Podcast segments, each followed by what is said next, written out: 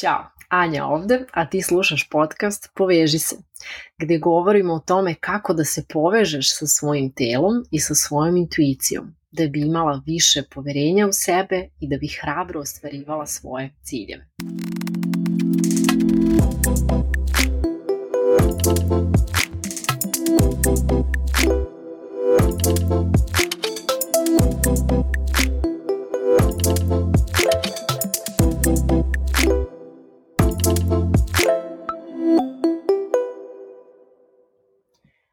Dobrodošla u 13. epizodu ovog podcasta. Ovo je posebna epizoda jer ću govoriti o tome kako da zavoliš i prihvatiš sebe. Znam iz svog iskustva, iz iskustva svojih klijentkinja i drugarica da je to e, jedna od stvari sa kojima se mnoge od nas bore. Poslušaj epizodu do kraja, podijelit ću jako zanimljive stvari potkrepljene i naukom, kao i prakse koje će ti pomoći da zavoliš najdragoceniju osobu u svom životu, a to si upravo ti. Zamisli da danas u gradu sretneš neku svoju drugaricu i ona ti ispriča kako je baš danas dobila otkaz. I kako je očajna jer ne zna šta da radi, u kreditima je, deca, muž, troškovi i tako dalje. Šta bi joj ti odgovorila? Najverovatnije nešto poput baš mi je žao što to čujem, ali ti si super osoba, ti si sjajna koleginica, imaš mnogo iskustva, sigurna sam da ćeš sa takvim CV-em, sa takvim iskustvom vrlo brzo naći novi posao. Dakle, verovatno bi tvoj odgovor bio u tom nekom stilu da pokušaš da je ohrabriš i da joj budeš vetar u leđa. Jer nećeš joj sigurno reći ono što bi sama sebi rekla u toj situaciji. A sada budi iskrena i priznaj šta bi sebi rekla u toj situaciji. Evo ja mogu da navedem neke najčešće primere koje sam čula od klijentkinja i od drugarica koje su se našle u nekim sličnim situacijama, koje su to bile rečenice koje su, koje su sebi izgovarale. Na primjer, tako mi i treba kad sam glupa, trebalo je više da se cimam, koja sam ja glupača što nisam prihvatila onu ponudu od pre šest meseci za drugi posao, ko će mene sad da zaposli i tako dalje, tako dalje. I umesto da sebi pružimo razumevanje i nežnost, mi udri ko da smo same sebi najgori neprijatelji. I ako se prepoznaješ u ovome, kao što se ja prepoznajem, nekad sam ja bila ovakva, nekako je zaista tužno.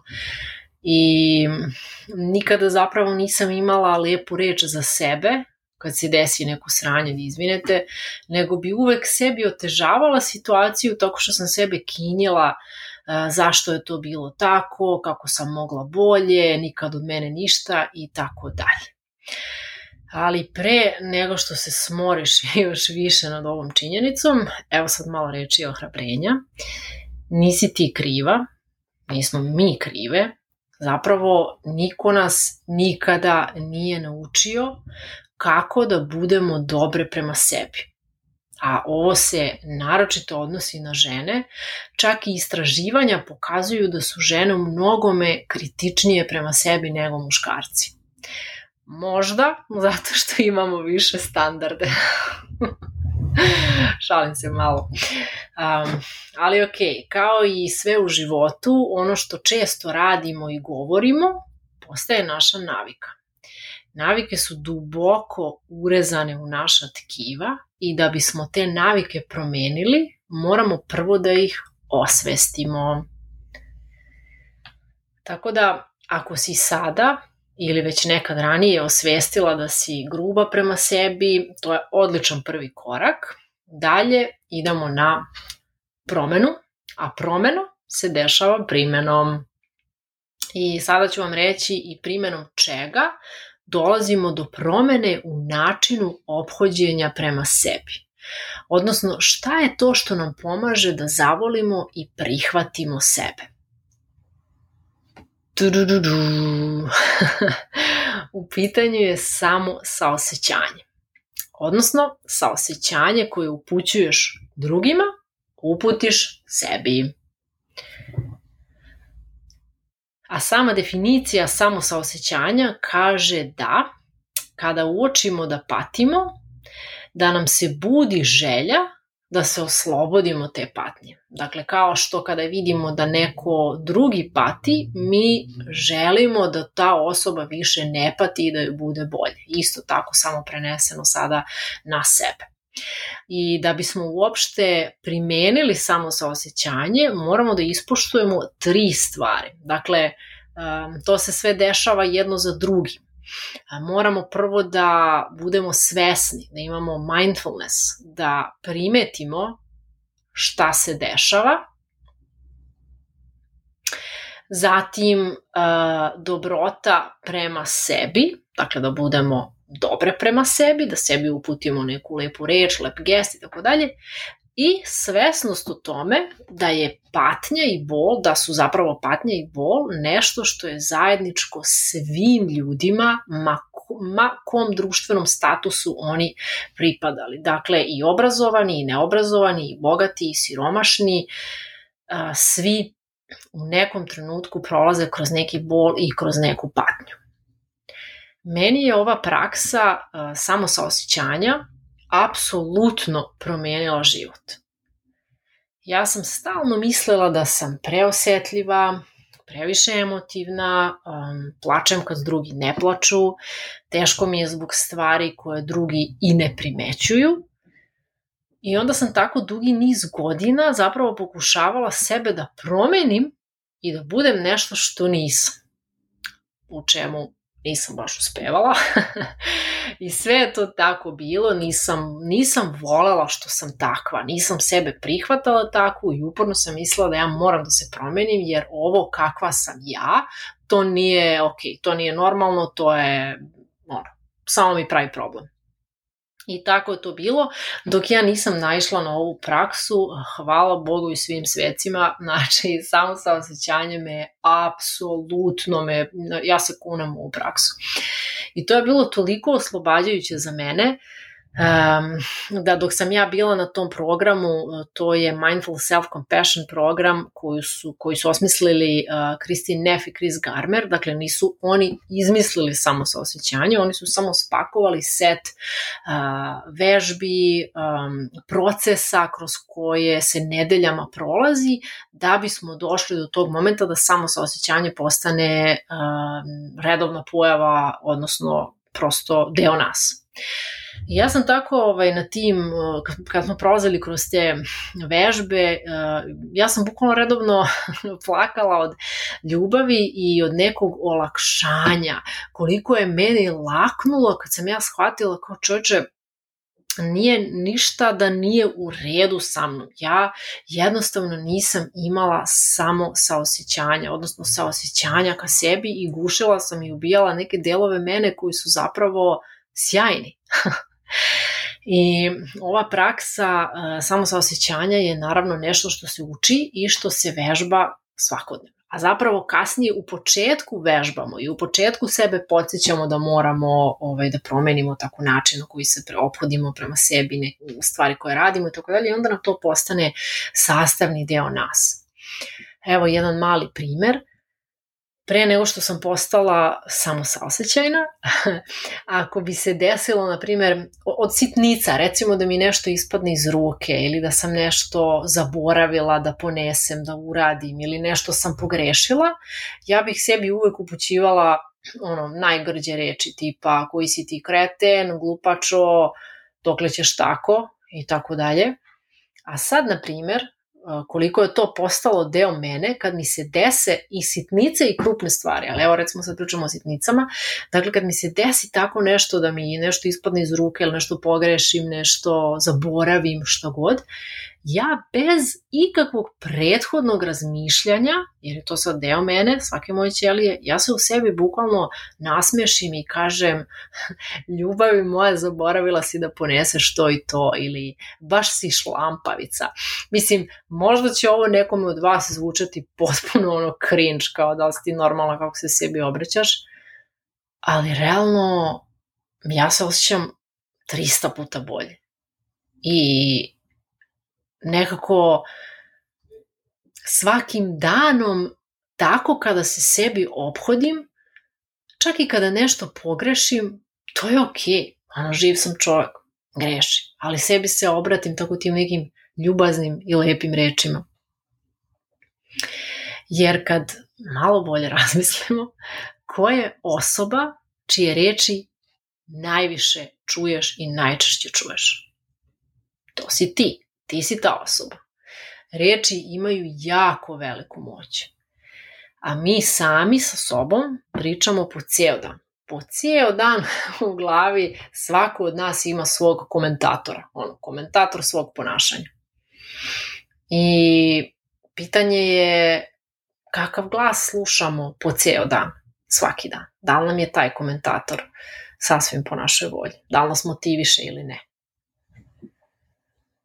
I kada se radi o praksi a, samosaosećanja, a, mnogi ljudi imaju neke predrasude, pa recimo misle da je samosaosećanje forma samosažaljenja. E pa nije, jer da jeste, onda bi se tako i zvala. A pored toga, istraživanja pokazuju da su ljudi koji imaju saosećanja ka sebi u stanju da vide mnogo širu sliku nego kada se samo fokusiraju na određeni problem ili stres koji imaju. Takođe, mnogi ljudi misle da će postati slabići ako sebi recimo pokažu nežnost i saosećanje. Kao kako ja sad sebe da motivišem a, nekim lepim rečima, pa valjda treba sebe da motivišem tako što ću reći ono nemoj da si kreten, moraš da budeš bolje od svih i tako dalje. Međutim, istraživanja i to opovrgavaju i pokazalo se da nam samo saosećanje pomaže da izgradimo snagu i otpornost za teške situacije u životu i da se mnogo bolje snađemo u izazovnim situacijama poput otkaza, razvoda, raskida, preseljenja u drugu državu, u drugi grad, promena karijere i tako dalje. Dakle, kad imamo uh, saosećanje ka sebi, mi mnogo bolje plivamo onda u tim vodama promene. A šta je život nego promena? I mnogo um, češće smo u stanju sebe da izazovemo na neke promene, da iskočimo iz svoje kutije, jer znamo da ćemo se snaći koliko god izazovno to bilo. Imam sada tri sjajna pitanja za tebe. Bilo bi super ako možeš da, ako si u prilici da zaustaviš epizodu i da odmah odgovoriš, a ako ne, naravno, odradi to kasnije. Pitanje broj 1. Kako se najčešće sebi obraćaš kad nisi zadovoljna nekim svojim ponašanjem ili situaciji u kojoj se nalaziš. Koje su to reči koje sebi govoriš? Zapiši ih na papir. Pitanje broj 2. Koje su posledice takvog obraćanja sebi? Odnosno, da li te takvo obraćanje motiviše ili demotiviše? I treće pitanje, Kako misliš da bi se osjećala kada bi mogla istinski sebe da prihvatiš i zavoliš? Baš takvu kakva si. Danas, sada i ovde. Jer mi smo najčešće kroz detinstvo nekako naučene da se ne žalimo, da uvek ima gore ili da apsolutno i potpuno ignorišemo, na primjer, kad se nalazimo u nekom bolu ili patnji i da se samo fokusiramo na to da što pre nađemo neko rešenje da odatle izađemo. I, na primjer, znate koliko puta mi se desilo da čujem drugarice, od moje drugarice, koje su se, na primjer, tek porodile, pa mi kad ih pitam kako su, kako ide, kažu mi sve je super, neću da se žalim. Ili, na primjer, provuku po neku rečenicu tipa, evo, ne spavam, umorna sam, ali neću da se žalim da ne bi slučajno neko pomislio kako su nezahvalni. I naravno ja im uvek kažem, slušaj, imaš pravo da se požališ. Svako ima pravo da se požali da mu je teško. I iako, iako smo dobile to što smo želele, što god to bilo, da li je to dete, posao, više posla, čega god, imamo pravo da kažemo, ej, trenutno mi je teško. To ne znači da smo nezahvalne. I molim te, poslušaj me. Imaš pravo da kažeš kako se stvarno osjećaš. Nisi nezahvalna samo ako kažeš trenutno mi je teško. Samo si čovjek. I zamisli kako bi se osjećalo drugačije da umesto što negiraš kako se stvarno osjećaš, dozvoliš sebi da u potpunosti izraziš to što osjećaš i da daš sama sebi nežnost, bri, nežnost i da utehu, zapravo da sebe utešiš i da se pobrineš za sebe. Jer super je sve to kada primimo od drugih ljudi, od nekih nama dragih ljudi, ali kada sama sebi pružiš to osjećanje, veruj mi, cela percepcija života ti se menja. Budi se ljubav i budi se prihvatanje ka sebi. Budi se na taj način i samopouzdanje, vera u sebe. Apsolutno se sve preokreće. I samo saosećanje nam ne služi samo da prestanemo sebe da osuđujemo, već ono uključuje i moment da same sebe aktivno utešimo. E, znate koliko je to bitno? Da samu sebe utešiš kao što bi utešila neku dragu osobu. To ne znači da ćeš se zatvoriti ka svim drugim ljudima i da ćeš sad se oslanjati samo na sebe u životu i ne treba tebi niko.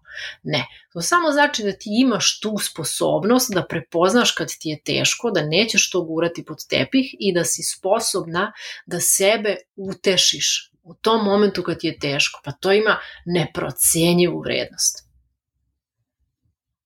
I to znači da ćemo biti ranjive, da ćemo dozvoliti same sebi da nas emotivno dotakne sobstvena bol. I da pauziramo i da kažemo same sebi teško mi je, ovo je sada zaista teška situacija u kojoj se nalazim. To je prvi korak kako možeš da zapravo primeniš samo sa osjećanjem. Dakle, to je taj moment mindfulnessa, odnosno svesnosti o onome što nam se dešava. I to što ćeš ti, ja znam, radila sam sa dosta ljudi i uvek mi kažu kad radimo na ovu temu, kao pa kako ja sada da kažem teško mi je, tužna sam, onda ću, kao ljudi imaju osjećaj da će onda ostati u toj teškoći i u, toj, uh, u tom osjećaju tuge jako dugo. Ili kao sad ako se otvorim za tugu, ostaću zauvek u toj tu, tu, tugi, tuzi, tugi, oprostite mi. Ili ako sada kažem i priznam i izgovorim teško mi je, kada će mi zauvek biti teško? A zapravo nije. Desi se upravo suprotan efekat kada imenujemo to što nam se sada dešava, stvari se menjaju. Dakle, kad se nađeš u nekoj situaciji gde ti je teško, ne znam, dobila si otkaz ili prolaziš emotivno kroz neku fazu teškoće u životu, zastani, prvi korak je da to primetiš i da izgovoriš u naglas u sebi, teško mi je, ovo je sada zaista teška situacija u kojoj se nalazim. Drugi korak je svest o tome da nismo same i da nije samo nama najteže na svetu, ma koliko se to u tom momentu čini podsjetimo sebe na to da i drugi ljudi pate, da i drugi ljudi možda upravo sada prolaze kroz isto ovo kroz što prolazimo mi. I da je uvek moguće zatražiti podršku, ili od bližnjih, ili od stručnjaka, kako god. Ali sam taj moment da sebe podsjetimo, ej, pa nije meni sad najgore, i drugi ljudi prolaze kroz ovo. Proći ću i ja kroz ovo. I treći korak, možda nije najbitniji jer moraju da se ispoštaju sva tri, ali jako bitan korak, zapitaš se kako mogu da se pobrinem sada za sebe. Veoma bitno. Kako mogu sama sebi sada da se nađem? Jer mi obično kad se tako nađemo u, u nekoj situaciji, recimo u, u, neko nas je ostavio ili nešto nam ne ide od ruke, ulazimo ona svoja, u svoje stare obrazce ponašanja. Možeš možda i da razmisliš šta je tvoj obrazac ponašanja, za nekoga je to poješće, tri dana će se prejedati i ješće junk food neviđeni. Ili ne znam, ako, ako si do sada trenirala redovno, kad se tako nešto desi, prestaćeš da treniraš, zapustit ćeš zdravlje, potpuno ćeš zapasti u, ne, u neku svoju um, u neki svoj pattern u koji inače zapadaš kada stvari ne idu onako kako ti želiš. I to je sada ključni moment, prepoznati taj pattern i postaviti sebi pitanje kako mogu da se pobrinem sada za sebe. Šta ja sada mogu da uradim da se sama sebi nađem u ovoj situaciji, da sama sebi budem najbolja prijateljica.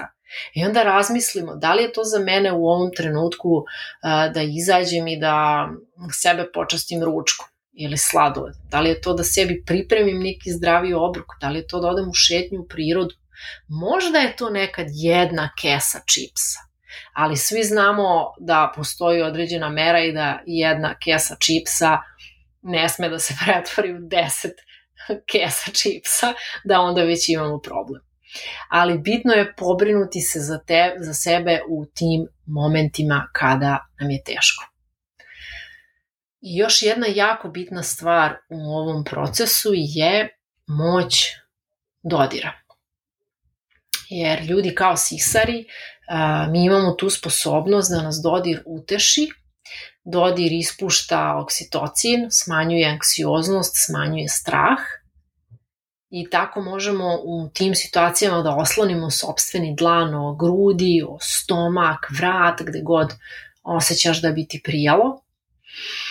I to ima jako, jako veliki uticaj da se regulišemo kroz telo i kroz dodir. Isto kao kada zagrlimo neko drugo biće kad mu je teško, možemo tako i da zagrlimo sebe. I kada smo samo saosećajni, mi učimo svoje telo novim paternima, odnosno novim obrazcima ponašanja. Mi onda na taj način šaljemo signal amigdali da može da iskulira, da smo sigurne, bezbedne i da nema potrebe za tolikim hormonima stresa. I onda tako polako izlazimo iz tog mesta straha i anksioznosti ako nam je to možda bio svakodnevni modus operandi. Jer zamislite sada, ako prolazite kroz neke teške trenutke, koji god da su, koja, koja god to situacija da je uključena, da li posao, porodica, novac, i onda na tu teškoću mi dodamo sebi taj moment tih nekih groznih reči kojima sebe častimo, onda te grozne reči vuku za sobom emocije koje nam ne prijaju, pa se onda osjećamo još gore i onda upadamo u tu rupu sve više i više i više, umesto da uradimo nešto što, je, što bi moglo znatno da nam pomogne da nas izvuče, da zapravo uopšte i ne upadnemo toliko u tu rupu, nego da krenemo da se izlačimo na vreme. I sledeći put kada se nađeš u nekoj izazovnoj situaciji, seti se samo sa osjećanjem. Ako ti možda ne ide biznis kako si planirala, nemoj sebe da bičuješ, zastani. Svaki put kad osjetiš da emotivno padaš, da ulaziš u spiralu misli koji ti ne služe, pauza, pauza, pauza, pauza. Minut je ponekad dovoljan da se izvučemo. Staviš ruku na srce i uradiš ona tri koraka koja sam rekla. Mindfulness, kažeš sebi, ok, sad mi je teško, u ovom trenutku mi je teško da se nosim sa ovim podsjetiš sebe da i drugi ljudi takođe, da ni drugima nije lako ponekad, da zajedno delimo tu muku. I onda kad zapravo to donosi neko olakšanje, jer shvatimo da nismo sami, da, da nekako se svi ponekad tako osjećamo.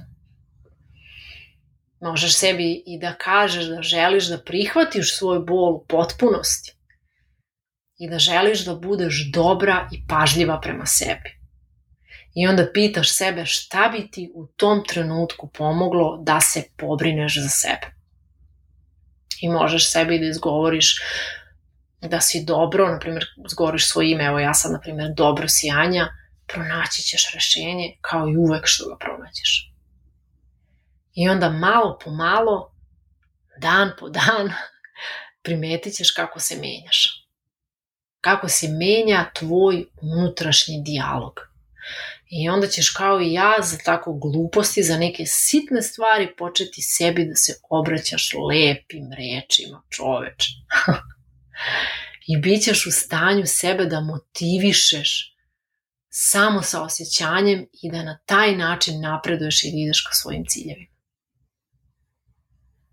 I zato što kroz samo saosećanje mi ne negiramo svoj bol, nego ga vidimo ga, validiramo ga, tu je. I onda ga lepo umotamo, ušuškamo ga u saosećanje. Pa to je kao da, kao da uh, imaš ranu, vozila si biciklu, pala si, ogrobala si koleno i onda previjaš tu ranu biljkama za isceljenje. Eto, tako treba da, da negujemo i taj unutrašnji bol koji nosimo.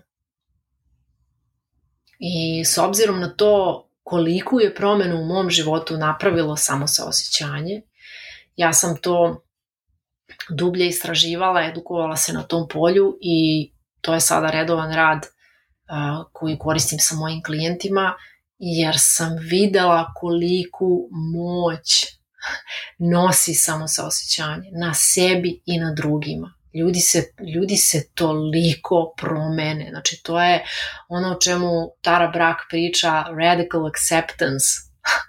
Kada sebe radikalno prihvatimo, ovakve kakve smo sada, danas, u ovom trenutku, to će nam samo pomoći da idemo ka onome, ka onoj osobi koju kakva želimo da postanemo. Znači, ne znači da ćemo mi samo sa osjećanjem ostati ovde gde smo, aha, ja sam takva kakva sam i čao, nego ja sebe prihvatam sada ovde i u potpunosti. I kao takva, sa punim prihvatanjem, idem napred, razvijam se, učim, edukujem se, menjam se, napredujem. Eto, mogla bih o ovoj temi da pričam još satima, vrlo sam onako strastvena, i nadam se da vam je ova epizoda bila korisna. Ako želite da radimo dublje na ovome jedan na jedan, javite mi se preko linka ispod podcasta da zakažemo coaching sesiju i da zajedno radimo na tome ka novoj viziji tvog života koja uključuje samo saosećanje. I ako misliš da bi ova epizoda mogla da pomogne nekoj tvojoj drugarici, slobodno je podijeli sa njom, um, ostavi mi komentar, uh, zvezdice, kako god želiš. Hvala ti puno na slušanju i hvala ti što si deo zajednice, poveži se i slušamo se narednog petka. Ćao!